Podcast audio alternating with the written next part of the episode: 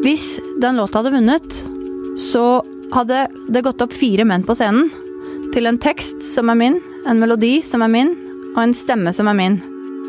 Da tror jeg jeg hadde begynt å grine, og jeg sitter jo for faen ikke og griner i in public. Hun er en av Norges aller mest ettertrakta artister og låtskrivere. Men på et tidspunkt så holdt hun faktisk på å gi opp musikkdrømmen sin. I dag får jeg besøk av musikkdronninga sjøl, Ina Wroldsen. Hvordan går man fram når man skal skrive en låt? Hvordan føles det når du har skrevet teksten til en låt som blir verdenshit, uten å få noe ære for det? Og hvordan har Ina klart å komme seg helt dit hun er i dag? Velkommen hit i studio, Ina. Tusen takk. Du er ute med ny låt akkurat nå. Ja, i dag. Halos heter den. Ja, Det gjør den. Hva handler Halos om? Du, jeg skrev Halos litt om dette her med Altså, nå er det jo veldig mye fokus i media på at det skjer mye forferdelige ting, og det gjør det jo. Men jeg syns òg dette med at når mennesker er sammen, f.eks. hvis du er på en konsert og så ser du en fremmed ved siden av deg, og så har dere et øyeblikk sammen, selv om dere ikke kjenner hverandre, men bare på det menneskelige samholdet, da. Mm. Det er det Halos handler om. At uh, når vi er sammen og gjør gode ting, så skjer gode ting. Jeg gleder meg veldig til å høre. Ja. Det må dere som lytter òg gjøre. Hvor lang tid bruker du på det da, å skrive en låt? Det kommer helt an på. Uh, noen låter um, skriver jeg på et par timer.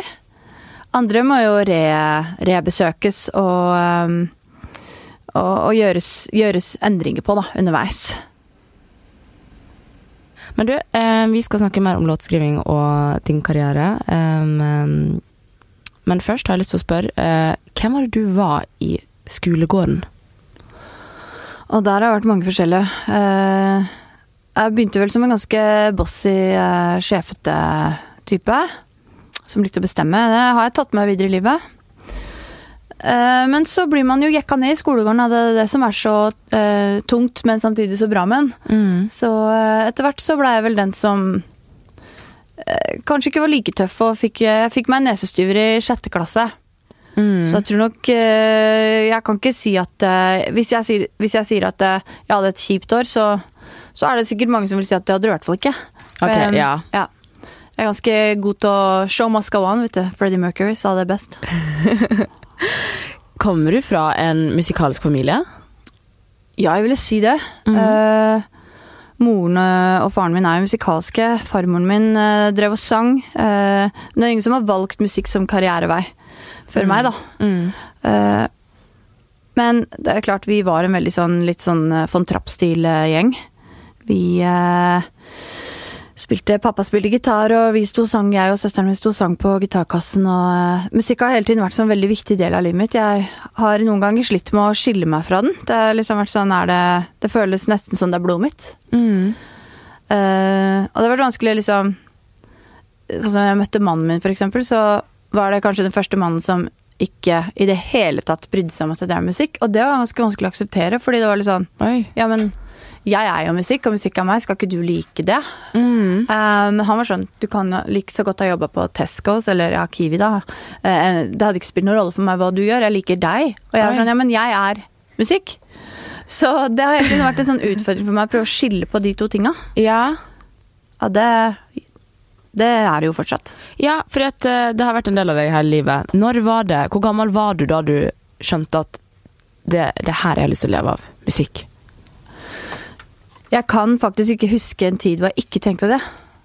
Så det må ha vært liksom med en gang jeg skjønte at det gikk an. Ja. Så Som sikkert var ganske tidlig. det var tidlig. Jeg, moren min liker jo å si sånn her, ja, hun sang før hun snakka og sånn. Og, men øh, jeg gjorde visst det. Jeg alltid, musikk har for meg hele tiden vært en slags virkelighetsflukt. Det er jo veldig sånn Har jo en veldig sånn slitsom til tider fantasi. Eh, så Kan man, eller kan man det med slitsom fantasi? Nei, den slutter aldri. Ikke sant? Ja. Jeg slutter aldri å tenke i um, det som ender opp med å bli en tekst, da. Mm. Eller å høre en melodi. Jeg kan stå, sånn Jeg sto på badet i dag, og så tenkte jeg at jeg er så kald på hendene. Blodet mitt renner så sakte. Og så tenkte jeg at det kunne vært en fin tekstlinje. Oi. Altså Hele tiden tenker jeg i bilder og tekst. Og både bøker og musikk har hele tiden vært en virkelighetsflukt for meg. Da, det, da kan jeg liksom bare slappe av. Mm. Når var din første spillejobb? Din aller, aller første spillejobb? Det kan jo ha vært når jeg var eh, Når jeg begynte å skrive mine egne låter, da. Mm. Eh, for det er jo der det begynte for meg karrieremessig. Jeg, jeg hadde tenkt å studere sang, og moren min var sånn Jeg syns du skal prøve å skrive. Fordi hvis du skriver, så har du kontroll. Mm. og du må lære deg det. Eh, og da sitter, du, my- da sitter du mye sikrere i din egen jobb. Mm. Eh, fordi det Nesten er, uansett hva man gjør. ja, ja, 100 Hvis Jo mer du kan, jo lenger varer du. Mm. Men eh, jeg begynte å skrive når jeg var 17, så jeg hadde vel min første sånn spillejobb i Sandefjord da Når jeg var 18. Og jeg spilte mine egne låter, så ja, 18 da. Da var det vel jeg hadde min første sånn gig. Hvor var det? Hvor nervøs var du? Var ikke det skummelt? Det er så rart akkurat det der, fordi jeg har aldri vært nervøs når det gjelder synginga. Eh, For det har jeg hele tiden følt at den biten kan jeg. Det er alt det rundt synginga som da er musikkbransjen. Ja. Uh, som jeg har syntes har vært vanskelig uh, å håndtere. Intervjuer, uh, TV-ting. fordi jeg blir Da blir jeg stressa. For det kan jeg jo ikke. Det har jeg måttet lære meg, og det lærer du jo kun ved erfaring. Mm. Første gang jeg var på senkveld, jeg gikk jo helt bananas. ikke sant? Jeg var så nervøs at jeg ikke visste hva jeg skulle gjøre av meg, og da kommer den derre Jeg får et sånt overlegent uttrykk, og folk trodde jo jeg var Hvem er den bleien der, liksom? Men så, så får jeg synge, og da kjenner jeg at da roer jeg meg ned. ja, for det kan du. Så jeg er ikke så nervøs for det. Jeg er liksom nervøs for Kommer det folk? Det er, man, det er jo fortsatt nervøs for. Hvis jeg spiller nå, så er det sånn Er det noen som gidder å komme, liksom? Ja, og når du setter opp en turné, for eksempel, er du redd for at det ikke skal bli utsolgt? Alltid. Ja. Og utsolgt er jo én ting, men altså Om det kommer 300 eller eh, 3000 Vi har det fint, altså, uansett. Vi skal, vi skal gjøre jobben vår og, og spille, spille opp til dans, men, eh, men det er jo klart at det er bestandig en sånn Det er jo, ligger jo en usikkerhet i det å velge noe som beror fullstendig på deg selv og din egen kreativitet. Mm. Og er det interessant for noen andre enn meg? Ja. Ikke sant? Ja. Det er et godt spørsmål. Og jeg sleit jo lenge med akkurat det der med å jeg, jeg har jo hatt uh, Jeg har jo jobba i den bransjen her i sikkert 15 år. Mm. Uh, og sånn, ja, aktivt har jeg det. Herregud. Det er lenge. Ja, det er lenge, ass. 15 år. Ja. Det er lenge. Men uh, jeg sleit jo hele tiden med det der i starten, liksom. Husker moren min sa til meg 'Vil du bli berømt?' Når jeg var liksom 20 og hadde, hadde satt i gang dette her, da. Og jeg var sånn Ja, det vil jeg. Ja, Vil du bli avbilda når du går ut med søpla om morgenen, liksom? Eh, Er det, er det der du er? Vil du bli sånn super? Jeg ba, ja, det er det, det er det jeg vil. Mm. Og så går det noen år, og så, og så tar den derre narsissismen, da, som jeg som, som det å være artist Du må jo ha et snev av narsissisme for, for å gå på en scene og 'hallo', ikke sant? Men når den tar overhånd, og det, det følte jeg at den gjorde hos meg Jeg ble en person som jeg ikke likte så veldig godt. Det var sånn her Nei, jeg er bare interessert i at folk skal stå og klappe til meg. Mm. Um, Når var det her, da? det var tidlig 20-åra. Og da bestemte jeg meg for å ta et lite steg tilbake og rett og slett finne ut av det. Uh, er det Hvem er jeg? Hvem er Ina som synger? Mm. Fordi hun jeg ser i speilet, hun syns jeg ikke er så veldig så trivelig, akkurat. Du hadde jo en litt tøff start inn i bransjen. Um, blant annet så har jeg hørt at du spilte en showcase på en brun pub i London når du var veldig ung, Mm. og reaksjonen var hvordan? Altså, Musikkbransjen har jo endret seg veldig eh, de siste årene. Den har blitt tvunget til å akseptere litt mer mangfold, kan man Mm. si. Eh, og når jeg startet, så var det jo, kom jeg jo med den Avril Lavigne Alanis Morissette-bølgen, hvor Mm. alle skal se ut akkurat sånn. Mm. Eh, og så var det jo det derre Altså, det rare er jo at showcaser fortsatt spilles på brun pub i England. Um, men bransjen da var jo sånn De klappet jo ikke. Fordi det var forskjellige labels der, ikke sant. Og de skal ikke vise at de syns det var bra, for da kan det bli en competition, da. Så jeg kan ikke se det for meg, at alle bare står og ser på, men ikke klapper noe når Ja, ja. og så Altså har du jo også dette Du har dårlig lyd. eh, men, men vi kom oss igjennom den der jobben, og så kom jeg av scenen, og så, så satt jeg eh, bak der, så kommer det en fyr bort til meg og bare You know what? I really like your songs. They're great. But I feel like you need to lose the belly, and also those shoes are terrible. Terrible shoes. Og jeg bare satt 18 år og bare Jesus. Hva svarte du? Nå hadde jeg jo sagt eh, Jeg skal ikke si hva jeg hadde sagt eh, i en podkast. Det, er ikke- det, er ikke fin- det er ikke finprat. Men da så da Man blir jo så perpleks at man bare Sa du akkurat det til meg? Ikke sant? Eh, og og de der, det der lærer man jo med alderen, at man bare Du, piss off, da. Ikke Ja. sant? Men jeg har alltid Jeg har litt sånn Arja-mentalitet eh, fra Game of Thrones. Jeg lager meg lister inni hodet mitt som er sånn Ok, du, det skal jeg huske på. Ikke sant? Fordi Smart. ja, igjen så er det sånn Jeg sier dette her til unge artister også hele tiden. Eh, du må skrive sjøl. Og hvis du trenger å ta et år og lære deg det Du må skrive sjøl. Fordi da, da har du dine egne låter, og da er det du som bestemmer over de. Og et eller annet punkt, da, om du er låtskriver eller artist, så er det, kommer jo noen som vil gjøre noe med den låta, hvis den er bra nok. Da kan du si 'nei, ikke du'. Ja. Så litt sånn hevngjerrighet i bunnen. Det, er aldri, det skal man ikke kimse av. Makten man får når man skriver egne låter. Det er viktig, altså. Men du var jo bare 18 år da du fikk platekontrakt i Norge, og ikke lenge etter så ble du signert i New York òg. Mm. Hvordan var det? Da var jo dream come true, ikke sant. Ehm, og en annen ting er at jeg var jo så, jeg var jo så ung, og, og like Altså ung og tilsvarende dum. Fordi når du er 19-20 år, øh, så i hvert fall som artist, da, så handler det liksom Jeg vil bare, jeg vil bare få en platekontrakt, jeg. Jeg vil bare bli signa, ikke sant. Og jeg fant faktisk et utkast av den avtalen som jeg øh, hadde tenkt å skrive under på. Men det ble en det gikk med et annet label, da. Var det i Norge eller Nei, det var i, i, eh, i New York. Mm. Um, platebransjen har jo skifta nå, nå er jo alt i LA, men da var det New York. Mm. Um, og altså, det utkastet jeg hadde skrevet ned Jeg visste jo ikke hva, jeg, hva, altså, jeg visste jo ikke hva en royalty var, jeg visste jo ikke hva noen ting av dette her hva det betydde, men altså, det er altså så dårlige kår. Jeg hadde sittet igjen med altså null. Uh, men det var jeg klar for å skrive på. Fordi alt for meg da dreide seg om å starte, og det er klart at Bli signert og bli Mm. Du går ikke gjennom et liv i eh, musikkbransjen uten å skrive under på noe ganske dårlige deals, tror jeg. Uh, du må liksom, fordi det er litt sånn, det sitter noen der, du har et talent, de skal hjelpe deg, men du har ingenting annet enn det talentet. Du har ingenting, det er, du har ikke noe vei, du må begynne å grave, liksom. Du, må å, du må finne din egen sti gjennom skogen, og de har laga seg en motorvei. Og den kan du få kjøre på, men det er klart at da koster det. Og gjorde du det, da? Du valgte jo å signere. Ja, ja. Eh, Hvordan var det for deg?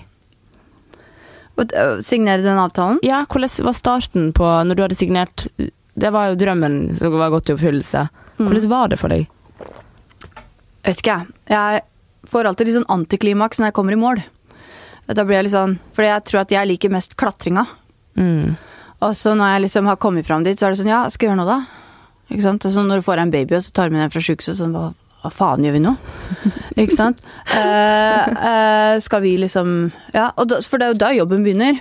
Eh, jobben i musikkbransjen, og sikkert i alle bransjer, den er jo aldri ferdig. Mm. Men sånn som jeg kjente på det da, var jo liksom Jeg er gira på å komme i gang. Mm. Og så sitter du i møter, så husker jeg hadde et møte med, um, med managementet mitt eh, tidlig der, da. Da hadde jeg akkurat gjort den dealen. Og for øvrig så var det ingen som sa at jeg burde skrive under på den. Alle var sånn det her er en dårlig deal, du må ikke skrive under på den. Men jeg var sånn jo.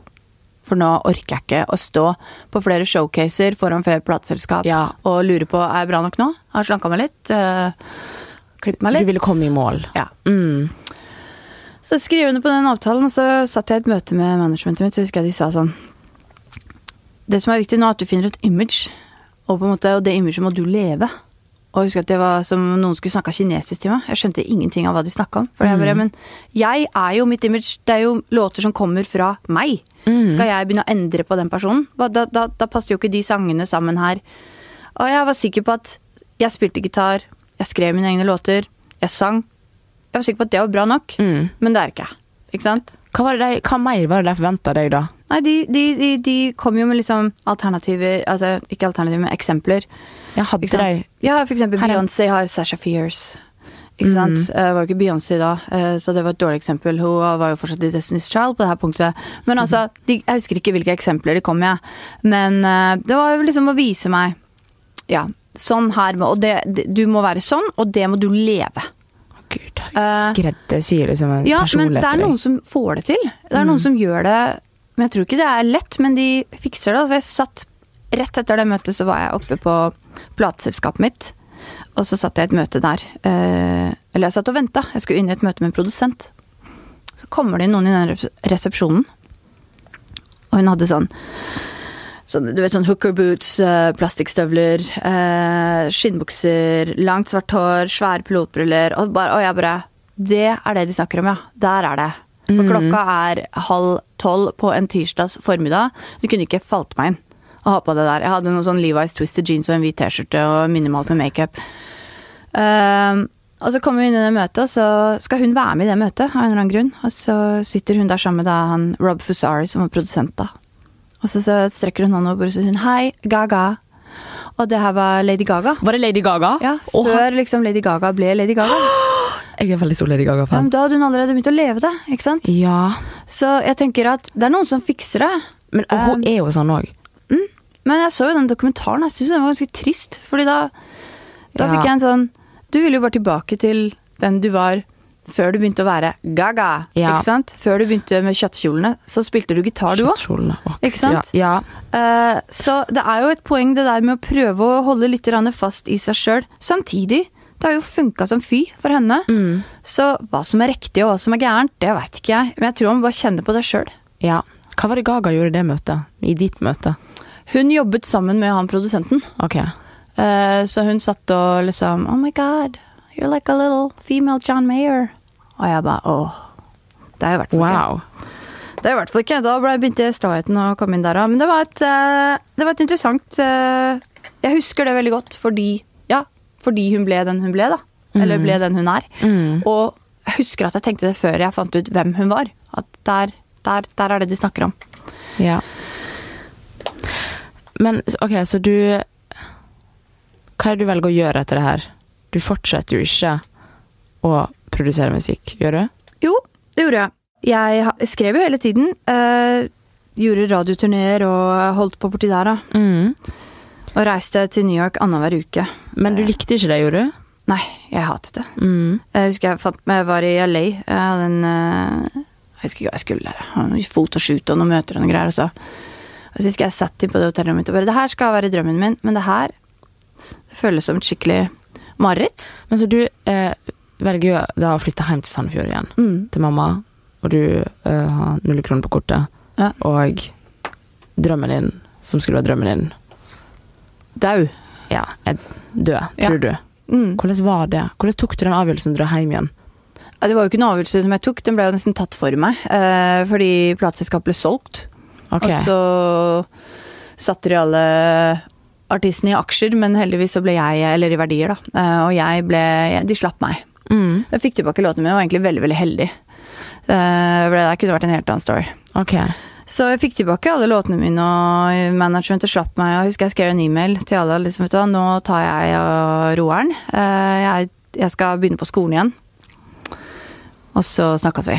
Mm. Så fikk jeg en e-mail tilbake fra en av de jeg sendte til alle. Forlag, management, alt. Og da fikk jeg en e-mail tilbake fra publisheren min om at liksom, kan ikke du prøve å skrive for andre?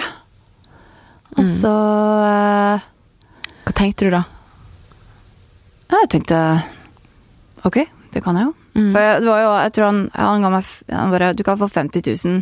Mm. Eh, og for meg så var det bare sånn Hei! Hadde jo ingen, hadde jo ingen spenn. Mm. Da var jeg kanskje Ja, da var jeg 22. Så jeg satt hjemme da, eh, og så begynte jeg å skrive. Skrev på tracks. Eh, så Igjen, veldig rett tid, rett sted. Jeg begynte å jobbe med et band som heter Saturdays. Det er oppløst nå, men de gjorde det veldig bra i England.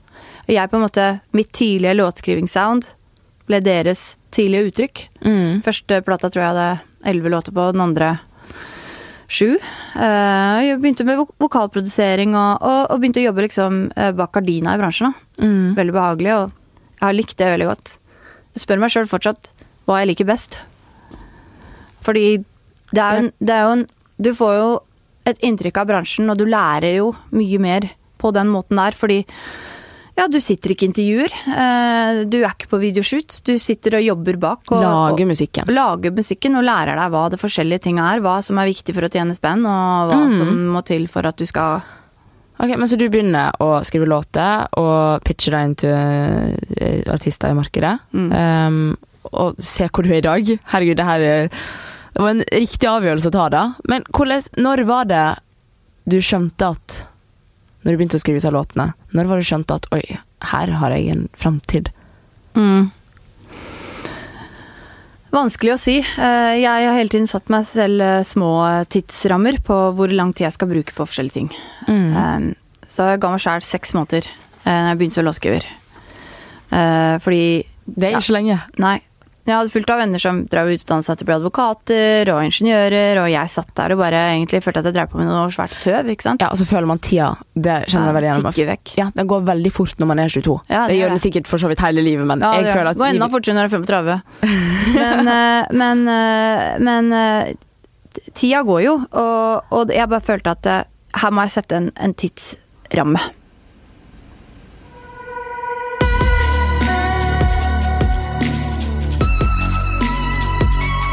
Men ok, eh, eh, litt tilbake igjen. Um, I 2011 så startet du eh, popduoen Ask Embla.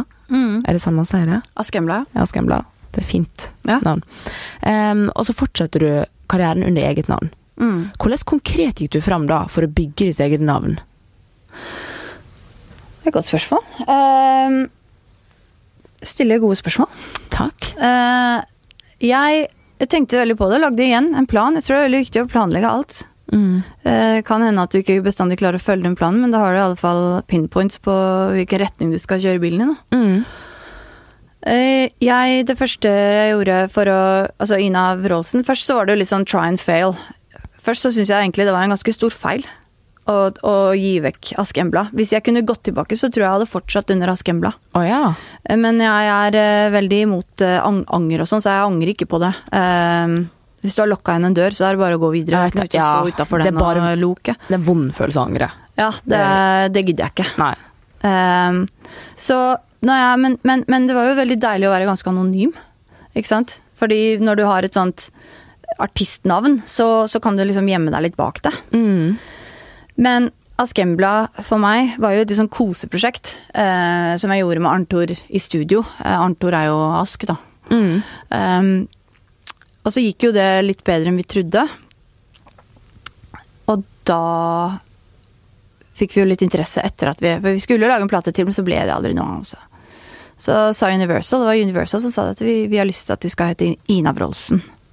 Jeg syns det er så kronglete navn nå, men uh, whatever. Vi satte den i gang. Er Wroldsen norsk? Ja. Det er det, ja. Så jeg ble da Ina Wroldsen igjen. Så gjorde jeg en låt som het Aliens. Mm.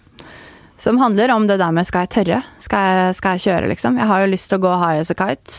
Uh, men jeg sitter her på gjerdet og leker med tekstene og melodiene mine, og jeg vet ikke, jeg vet ikke, jeg vet ikke. Men uh, altså den der knock knock, who's there? Scaredy cats don't get in here.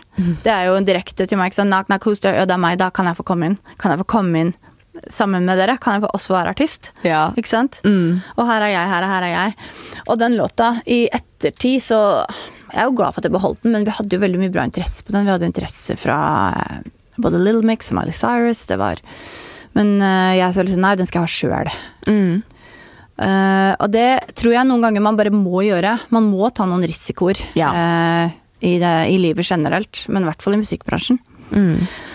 Så det er jo et par ting der som ikke gikk så bra, og så trakk jeg meg litt tilbake igjen og skrev. Så var det akkurat som det var en sånn brann som lå og ulma. Det åpna seg noe inni meg som jeg ikke klarte å holde tilbake. Jeg skrev to låter, Rockabye Symphony, som jeg følte at her driver og drypper inn Ina Wroldsen i låter som ikke er mine, og nå må jeg ta et valg. Skal jeg Skal jeg være Ina Wroldsen? Skal jeg la henne få synge og uttrykke seg sånn som jeg tror at hun vil? Mm.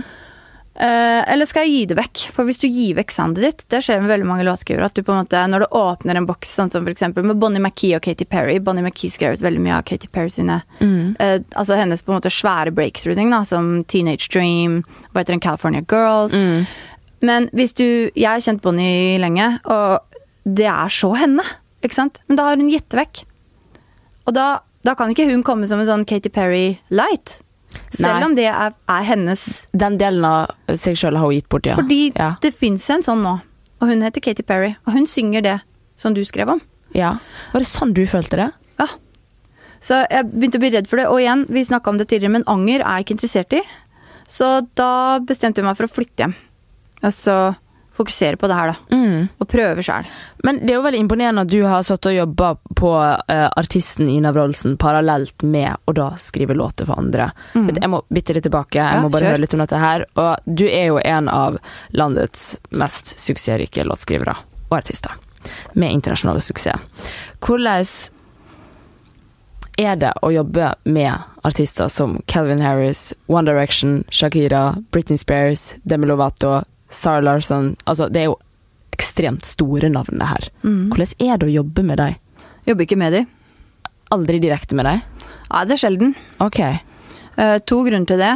Nummer én er at ofte så uh, Låtskriving igjen. Veldig kreativ uh, og personlig prosess. Mm. Jeg jobber jo også med Nå har jeg begynt å jobbe med, artister. Jeg jobbet med Sharon i, for en måned siden. Jobba med Sam Smith i forrige uke. Men da får man en helt annen rolle som låtskriver. Fordi da blir du mer en slags Når du jobber med så musikalske mennesker som de to, og bare for å dra de to, Ja. så er jo de veldig eh, De er så musikalske sjøl at du blir nesten sittende som en slags redaktør. Okay. Og du kommer jo med innspill, men det er de som styrer skuta. Du er litt sånn uh, Så du skriver, annenskipper. du skriver musikken med deg, da? Ja, da skriver jeg med de. Okay. Men ofte så syns jeg Jeg har hele tiden vært litt sånn Hvis du skriver musikk med artisten, så eh, Jeg syns ofte det er veldig verdifullt å på en måte ha det bildet som jeg har da, av f.eks. Demi Lovato eller Britney Spears eller One Direction.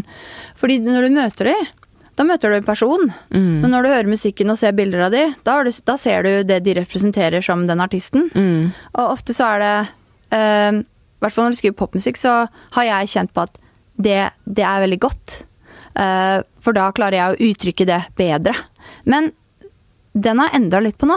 Okay. Fordi jeg tror at det er lurt å ha dem inn. Fordi som jeg sa tidligere, musikkbransjen endrer seg hele tiden. Og nå er det faktisk plass igjen for å være litt mer ærlig.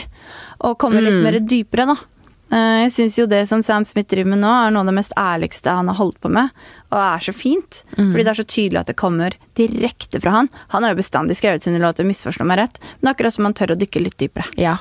Uh, og, og det er jo veldig deilig å være med på. Men det er en helt annen måte å skrive på enn når du bare sitter i studio med en produsent og kan være totalt fri. Ja. Det, Jeg trenger begge deler.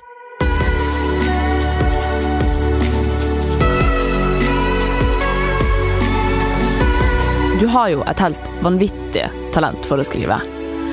Men du opplever jo sikkert ofte når du eh, skriver låter for andre, at eh, andre tar kred for arbeidet ditt. Hvordan er det?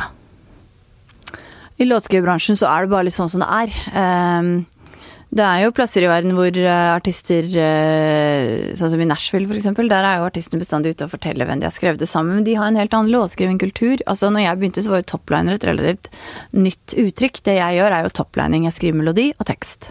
Okay. Ehm, og folk var jo liksom Hva er toplining? Ikke sant? Fordi eh, i Europa så har det liksom Vi har, vi har vært i skyggen hele tida, da. Mm. I starten så syntes jeg det var vanskelig. Det var sånn, skal, jeg ikke, skal dere ikke takke meg? Dere takker alle i alder Det var jo da vi fortsatt ga ut album, da. Og det var sånn, Hvis du hadde den der takkedelen i albumbiten, så var det sånn Jeg husker Saturdays takka liksom Takka stylisten sin som alltid hadde med seg falske pupper til de på scenen. Og det var ikke, jeg var ikke nevnt. Jeg var sånn Jeg har skrevet sju av låtene deres, skal dere ikke Men det er bare sånn man må lære seg. Ja, ja. Er ikke det surt? ja men jeg kan ikke gå og være sur for det. Må heller flire på vei til minibanken. Og For du får pengene dine i hvert fall. ja. Jeg får jo spenna mine. Og så handler det jo også om at uh, når du jobber i kulissene Alle veit hvem som gjør hva i kulissene. Ikke sant? Mm. Så mm, deres suksess, som er basert på en låt som jeg har skrevet, da veit alle de folka rundt at det er Ina som har skrevet den låta. Ja. Så da får jeg mer jobb på bakgrunn av det. Ja. Folk i bransjen veit hvem som står bak. Men det er klart at det er jo en annen sak for eksempel sånn som Jeg gjorde jo et ganske sånn businessvalg med for eksempel How Ja. Eh, fordi der eh, er jo ikke kreditert. Nei, ok, for dere som lytter her eh, De som ikke vet det, så er jo Ina vokalen på How Deep Is Your Love Ja. eh, med Kellyn Harris. Og jeg sjekka på YouTube, bare musikkvideoen har 1,3 milliard visninger. Det er helt vilt. Ja, den ble veldig stor. Uh, den låta skrev jeg jo sammen med gutta i Disciples. Og du har skrevet, vært med på å skrive låt òg. Jeg har skrevet den låta. Du har skrevet hele låta, Ja. og du er vokalen. Ja. Det er en monsterhit. Ja, det må. Hvordan føles det da å ikke få kred? Igjen, når jeg tok den avgjørelsen, så tok jeg jo den med et ganske klart hode. Det var jo sånn klart du spurte om jeg kunne bli kreditert. Mm. Og så var de sånn nei, vi er ikke ute etter en, eh, vi er ikke ute etter en til artist på den låta her. Da har jeg et valg. Enten skal de si ja, men det skal jeg. Og da kan de gjøre en av to ting. De kan enten fjerne meg fra den låta. Da tar de vekk en kjempeinntektskilde. Jeg skjønner jo at Calvin Harris lykkes øh, ni og en halv av ti ganger med alt han gjør. Så jeg visste jo at der, der, var det, der er det spenn. Der er det penger. Mm. Uh, og, så da, da så kunne jeg satt på Rihanna, da, og da hadde ikke jeg hatt den inntektskilden. Så da tenkte jeg er greit. Ja. Men, og det var faktisk helt greit, helt fram til vi blei invitert til uh, Brit Awards fordi de var nominert til en Brit Award. Uh, og, eh, og så sa mannen min sånn eh, We gotta go to the Brits. Så jeg var sånn nei, det skal vi ikke. Og han sa jo, men så klart vi skal det. Ja, men nei, det, det kan jeg ikke i år.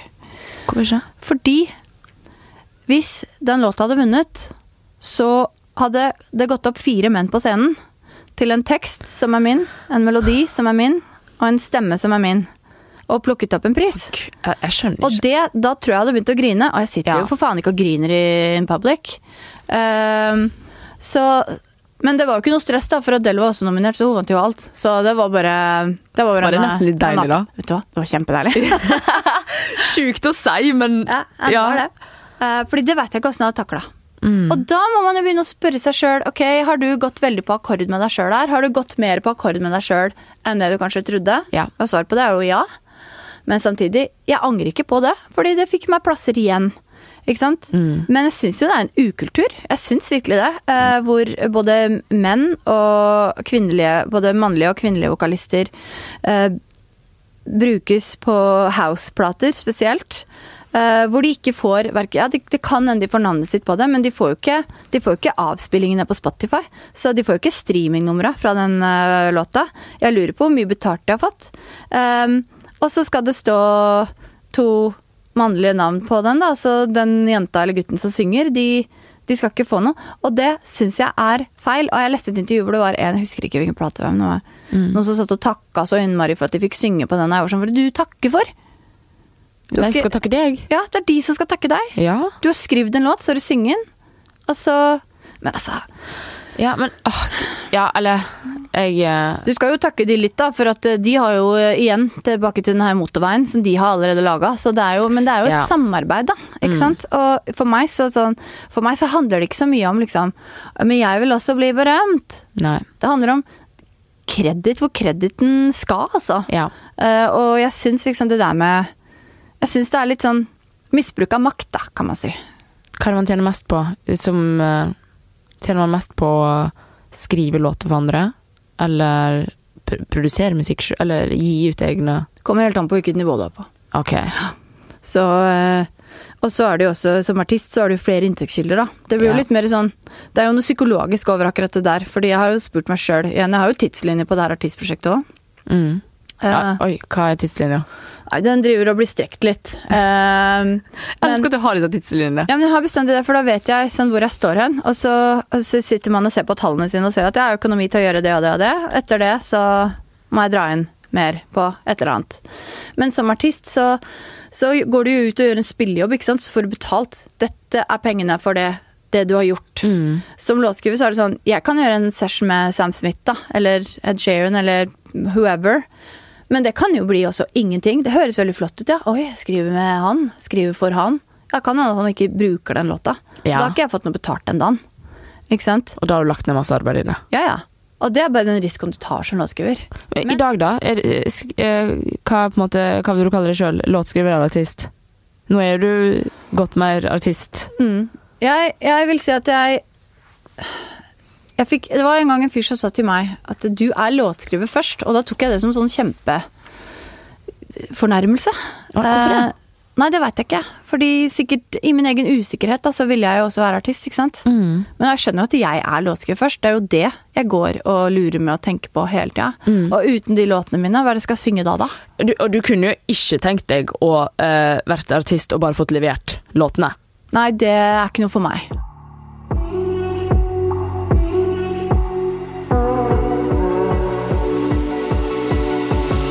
Du har jo på en måte veldig mange ulike yrker, da. Sånn, når du var dommer i Idol, og du skriver låter for andre, du lager din egen musikk, du framfører din egen musikk, du reiser rundt på konserter. Hvordan klarer du å balansere alt det der? Har du periodevis Nå er jeg låtskriver, nå er jeg artist Ina Wroldsen. Hvordan, hvordan ser hverdagen din ut? Ganske kaotisk. Um, jeg føler jo for øyeblikket at jeg driver og gjør tre jobber. Ikke sant? Ja. Jeg er låtskriver, og så er jeg artist, og så er jeg først av alt er jo mamma. Uh, og og hva skal man si? Kjerringa til Mark, uh, ikke sant? Er dere gift? Ja. Ja. Kjerring det så, det er så lite er, På engelsk kan man si sånn wife, men i norsk er det sånn kone. Ja, kona. Uh, Jeg er heller ikke dårlig ja.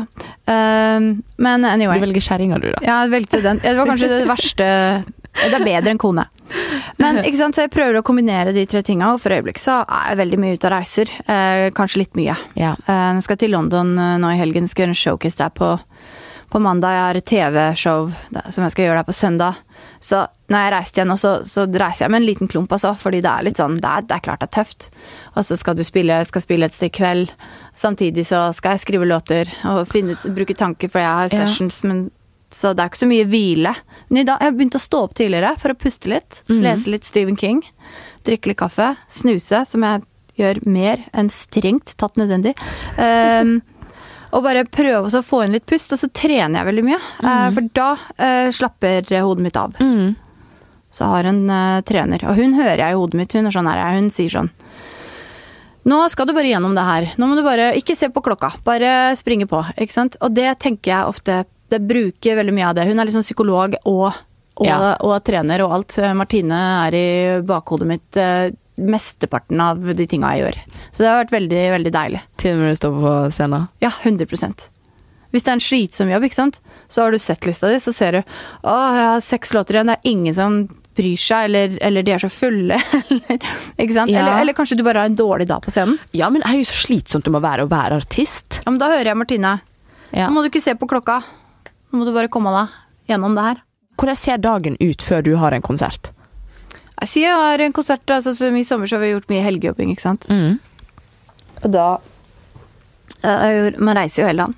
Mm. Så kommer du fram, og så er det jo sjelden lydsjekk, så da er det en time på rommet, da. Få på seg litt makeup, og så er det å komme seg backstage og rett på scenen. Det er ikke så mye slapp i. det Det er liksom bare bam, bam, bam, bam, bam, bam. Men det er nesten like greit, for da går tida fortere òg. Det verste er jo å sitte og vente. Når Ja. sånn, «Å, ventet tre timer før jeg skal på scenen. Det er kjempekjedelig. Ja. Uh, så det er hektisk. Ja. Men det er jo en helt uslåelig følelse når du kommer oppå der. Og de synger 'I Wanna Come Home' av uh, full hals og er med og synger og Det, det, det Wow. gjør jo alt verdt det. ja. Men er det, hender det at du er sliten noen gang før man skal på scenen? Ja, ja. Og men du får energi da, av å Herlighet. Jeg satt oppe i Rørvik og hadde fullstendig panikk i to minutter før jeg skulle på scenen. Hvorfor? Eh, for jeg hadde så, var så skrall i halsen. Hatt eh, så mye Skrall i halsen. Hadde litt stemmeproblemer etter det, som du skal si det normalt språk. Hadde, ja, hadde issues med stemma. Jeg var så sjuk. Mm. Fordi hvis du er sjuk, det er det ingen som bryr seg om. Du må på scenen, Ja. ikke sant? Så Og jeg var redd for at jeg ikke klarte å gjennomføre konserten. Eh, men eh, det gikk jo, da. Alt Ja. går. ja. Men hva gjør man da hvis man mister stemma? Du kan jo ikke synge da. Det kommer ikke lyd ut. Du må bare gjøre det likevel. Hva er det du har på Jeg har måttet avlyse to jobber på bakgrunn av det, og det er det verste som fins. Det det, ja? Ja, det helt forferdelig. Du føler at du svikter folk så sjukt. Ja. Hva er det man tjener på å gjøre en eh, konsertopptreden på en festival? Ja. Kom- Kommer helt an på en posisjon du står i. Hva kan man tjene? Jeg lurer sånn på det hver gang jeg er på konsert. Altså, hva er det liksom man Store artister kan jo ta mange millioner, ikke sant? På én konsert? Mm. Men før fordeling, da. Så klart. Ja, altså Det er jo Til det, er- band det og er fie, ikke sant? Mm. Det er så mye koster å booke meg.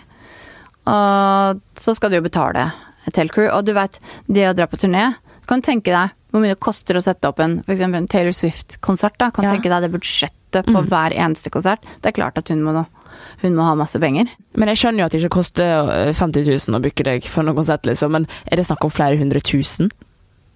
Flere millioner? Skal vi sitte og snakke spenn, altså? Um, Nei, det er ikke flere millioner eh, foreløpig på meg, altså. Det skal jeg ikke skryte på meg. Men uh, ja, det er jo noen eh, Hva ser jeg for meg folk e-mailer liksom, manageren din, eller hvem det er? mm. Men ikke sant, det, det, det, det jeg forsvarer det med, er jo at ehm, Nummer én eh, Jeg tar jo en risiko ved å ikke være låtskriver den dagen. Ikke sant? Ehm, Hvordan da? nei, jeg skriver jo ikke når jeg er på veien. Ja. Da, da, da driver jeg jo med det. ja. Men igjen ja, Og derfor kan du ta godt betalt? ja, da tar man seg Ja, godt betalt og godt betalt. Altså, ja, tar eh, Ja. Altså, jeg hater å snakke om penger, Kristine. Jeg, så eh, Jeg gjør aldri det. Men eh, det er klart, det er jo Det, er jo, det skal jo være verdt det. Det høres ut som begge vi syns penger er ubehagelig. ja, men jeg, bare- du- Men jeg skjønner jo at det her er eh, det heter Karrierepodden.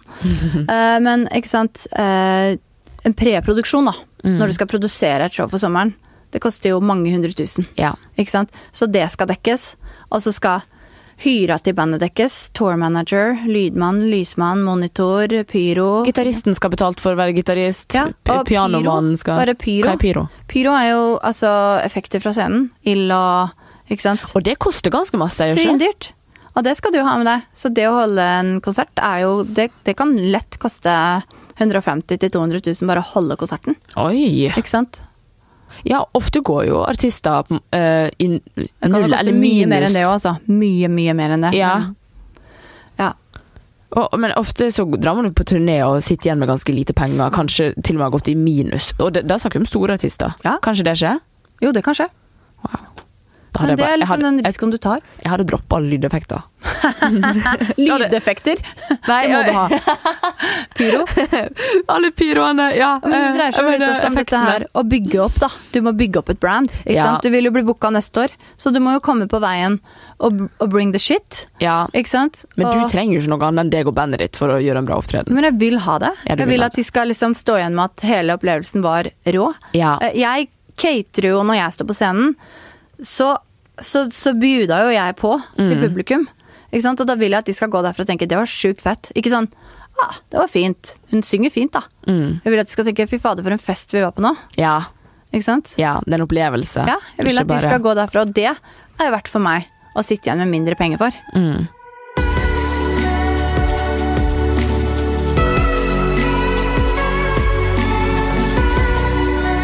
Av alle de låtene du har sunget, produsert, ehm, skrevet, eh, vært en del av, hvilken låt er din favoritt? Eller hva er det som står nærmest hjertet ditt? Hva er det du nynner oftest på hjemme? Som jeg har skrevet selv. Mm. Vet du hva, Fine du, jeg eh, nynner ikke så mye på mine egne låter, ass. Du gjør ikke det? Nei, jeg gjør ikke det. Jeg hører på musikk som på en måte Jeg blir jo ikke beveget av min egen av min egen kunstneriske uh, Nei, det er med prosessen av den som er Ja, Det er jo jeg det som er din kunstform. Ja, og jeg, jeg setter jo ikke på Jeg var på en shoot eh, her om dagen, jeg var på en videoshoot, og da, da begynte noen å fortelle meg at de hadde jobba med en artist som bare spilte sine egne låter for å liksom bli pampa. Og jeg kan forstå det, men Mm. det for meg er sånn nei. Da må jeg høre på noe annet. Ja. Uh, noe som kan inspirere meg mer, altså. Hører på Boasty når jeg tar pull-ups, liksom, eller 16 shots når jeg skal eh, løfte vekter, eller, eller altså Ikke sant. Jeg setter jo ikke på Obsessed. Nei. Ikke sant. Eh, så, men jeg er veldig sånn jeg, jeg elsker musikk. Jeg elsker det så mye at jeg noen ganger syns det er slitsomt. Fordi Ja. jeg kan gå en dag og så kjenne sånn Nå må jeg høre på Tori Amos sin versjon av uh, Enjoy the Silence. Hvis ikke så så så får jeg vondt i magen min. Eh, ikke sant? Eh, så jeg hører på masse forskjellig musikk hele tiden. Så jeg nynner vel mest på andre sine låter. Ja. Når man ser tilbake på eh, den vanvittige karrieren din, hva er Hvis du klarer å trekke fram ett høydepunkt, hva er det? Oi, det var vanskelig. Hva er favorittøyeblikket ditt? Favorittøyeblikket mitt, det var når uh, Pussycat Dolls bestemte seg for å kutte, eller spille inn. Uh, Hush. Og så bodde jeg og Mark i en sånn skikkelig drittleilighet i London. Vi hadde ingen penger. Og så husker jeg faktisk at kvelden før så satt så på TV, og så datt takluka, altså loftluka, bare datt ned. Og bare lykketreff at ingen sto under der da. Den bare Å, Så den hadde vi dekt, da. Det hølet med søppelsekker og sorte pledd og bare prøvd å Det var jo så kaldt over vinteren i London. De insulerer ikke husa sine. Um, og så fikk vi en telefon klokka 11.30 på kvelden om at Pussycat ville gjøre den låta her. Og, Å, herregud. og så sto vi opp, da, og Mark var sånn her Oh my god, we gotta celebrate, we gotta have a drink. Og jeg sa we don't have any wine. Og han sa well, I'll go and get some. Og jeg bare For der kan du kjøpe vin når som helst i England. Eh. Well, we have five pounds and we have to buy bread tomorrow. og han bare ok, then apple juice. Og så dro vi fram noe Ikea-glass og uh, skårte i eplejus. Og det er sånn, det står for meg som sånn Dere skåler med eplejus. Ja, ja, vi skårte jo her. Og jeg mener, men det, det er viktig at på en måte alle sammen har vært der. Og det er viktig, jeg syns at de øyeblikkene er de som jeg husker på best. Dere satt og skåla med eplejus. Ja, ja, ja. Nå driver jeg og ser det for meg. Ja, det, det, var, eh, det var et veldig fint øyeblikk. Er det noe du skulle kunne tenkt deg gjort annerledes i karrieren din? Nei. Ingenting? Nei. Fordi jeg No mener at regrets. alle avgjørelser du tar, tar du på bakgrunn av en følelse du hadde da. Hvis den følelsen av feighet, så må du stå for det. Og det som står så angre på det, det er bare tull. Og det var derfor også på en måte jeg bestemte meg for å prøve dette artisteriet ut igjen. Fordi jeg vil ikke angre på en dritt. Jeg angrer ikke på at jeg ble gravid tidlig. Jeg angrer ikke på at jeg hoppa i det med Mark. Eh, og at vi bestemte oss for at det er vi to vi skal kjøre på. Nei, jeg angrer ikke på noe av det. Jeg gjør ikke det. Hva er det beste rådet du har fått? Det beste jeg aldri har fått Det beste rådet du har fått? ah, Nå bare tenkte jeg what, what is this question? Hva er det beste du aldri har Eh, fått? Det veit jeg ikke. Jeg har aldri fått det. Eh, Sjukt det beste rådet jeg har fått, det beste rådet jeg har fått, det fikk jeg av min Bjørklund, og det har jeg sagt før. Men han sa til meg en dag jeg kom inn i studio, da kan jeg ha vært 19. Kom inn med gitaren min og skulle skrive litt der oppe hos han. Da jeg pleide å gjøre demoer, nemlig. Jeg Pleide å synge inn Espen Lind og Amin Bjørklund sine demoer oh, ja. når jeg var, eh, når jeg var um, tenåring. Mm. Uh, og så kom jeg opp dit, da, for jeg hadde skrevet en låt som uh, ja, de likte og fikk, fikk sjansen til å begynne å skrive litt der oppe. Og så sier han sånn Hva er det med deg i dag? Det sa han ikke, han sa det på Bodø Nei, ikke Bodø med Tromsøværing, men ja. Det skal jeg ikke begynne å etterligne nå. Han sa det med deg? Så sa jeg nei, jeg er litt trist, for jeg skal gjøre slutt med kjæresten min. Eh, og han bare hvorfor det? Så sa jeg nei, for jeg har ikke noe å skrive om. Han bare ok, så skal jeg gjøre slutt med kjæresten fordi du må ha inspirasjon? Jeg bare ja. Jeg pleide å kalle meg sjøl at det beste skrive eh, beste skrivemodus jeg var i, var en miserably happy. Jeg har hørt noe sånt tøv. Eh, og så sa han ja, men hvis ikke du lærer deg at talentet ditt ikke ligger rundt deg Og nå veiver jeg veldig med armene, det kan ikke dere se. Ja. Um, kan dere se det for dere. ja, det kan dere se for dere. Hvis ikke du lærer deg at talentet ditt ikke ligger rundt deg, men det ligger inni hodet ditt, så kommer du aldri til å bli lykkelig. Så kommer du aldri til å få et normalt, hyggelig, rolig liv, og det trenger du hvis du skal inn i den bransjen her. Ja. Du kontrollerer ditt eget talent, det kontrollerer ikke deg. Mm. Og det var sånn aha, og det tenker jeg på så mye fortsatt. Og det er det, Det rådet jeg gir videre også. ja. Det var et sinnssykt bra råd. Ja. Han er ikke så dum, han der Bjørklund. Nei. Det høres ikke sånn ut. Nei, han er veldig fin. Så jeg mener, det er de tinga på en måte jeg ser veldig ofte. Jeg har jo veldig mange venner som også er artister og låtgivere og Når det der tar helt overhånd, så er det veldig vanskelig å finne lykke. Ikke gjør det sjøl vondt for å Skape kunst. Nei. Men du veit, det er vanskelig, fordi det er uten tvil sånn at når du skriver fra et veldig vanskelig ståsted, Mm. så blir det kunst av det. Mm. Ikke sant? Ja, men Når du har det vondt, så blir det kunst. Men er det verdt det? Nei, er mitt svar, da. Personlig. Og så er mitt råd videre også Det er ikke din skyld hvis ikke det går. Eller Det er ikke din skyld hvis du gir alt du har, og så går ikke. Å ja, det er deilig å høre. Ikke sant? Mm. Det er ikke din skyld. Og så er det så viktig å ikke på en måte ja, holde på deg sjæl og vite at det, det du har, er bra. Ikke sant? Et veldig godt tips fra Ina Wroldsen her. Det beste tipset kommer fra Ame Bjørklund, det er det dere må huske på. Ja. Talentet ditt styrer ikke deg. Du styrer det. Et fantastisk råd. Tusen, tusen hjertelig takk for veldig fint besøk, Ina Wroldsen. Tusen takk for at jeg fikk komme. Det har vært kjempehyggelig. Det var veldig hyggelig og veldig lærerikt å prate med deg. Ja, så godt. Og så må alle høre på Halos. Ja, å høre. Den er ute nå. Kan strømmes og kjøpes der musikk uh, finnes. Så håper jeg dere liker den.